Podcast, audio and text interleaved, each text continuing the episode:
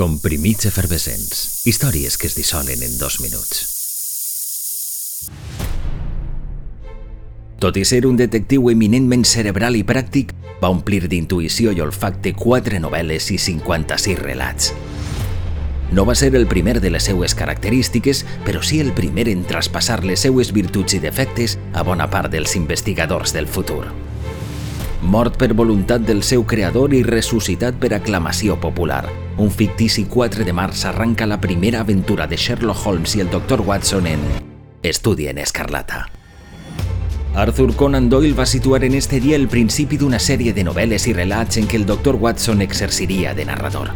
Aquella primera publicació es faria a través d'una revista i per entregues, però representava l'estrena d'un personatge de ficció que es consagraria gràcies a la seva intel·ligència i intuïció.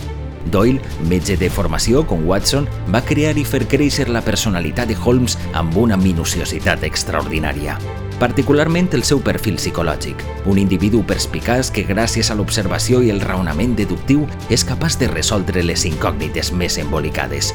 I també altres característiques, com ara alçar-se tard, fumar en pipa, tocar el violí i fins i tot el consum de cocaïna, aspecte que sempre li va recriminar Watson.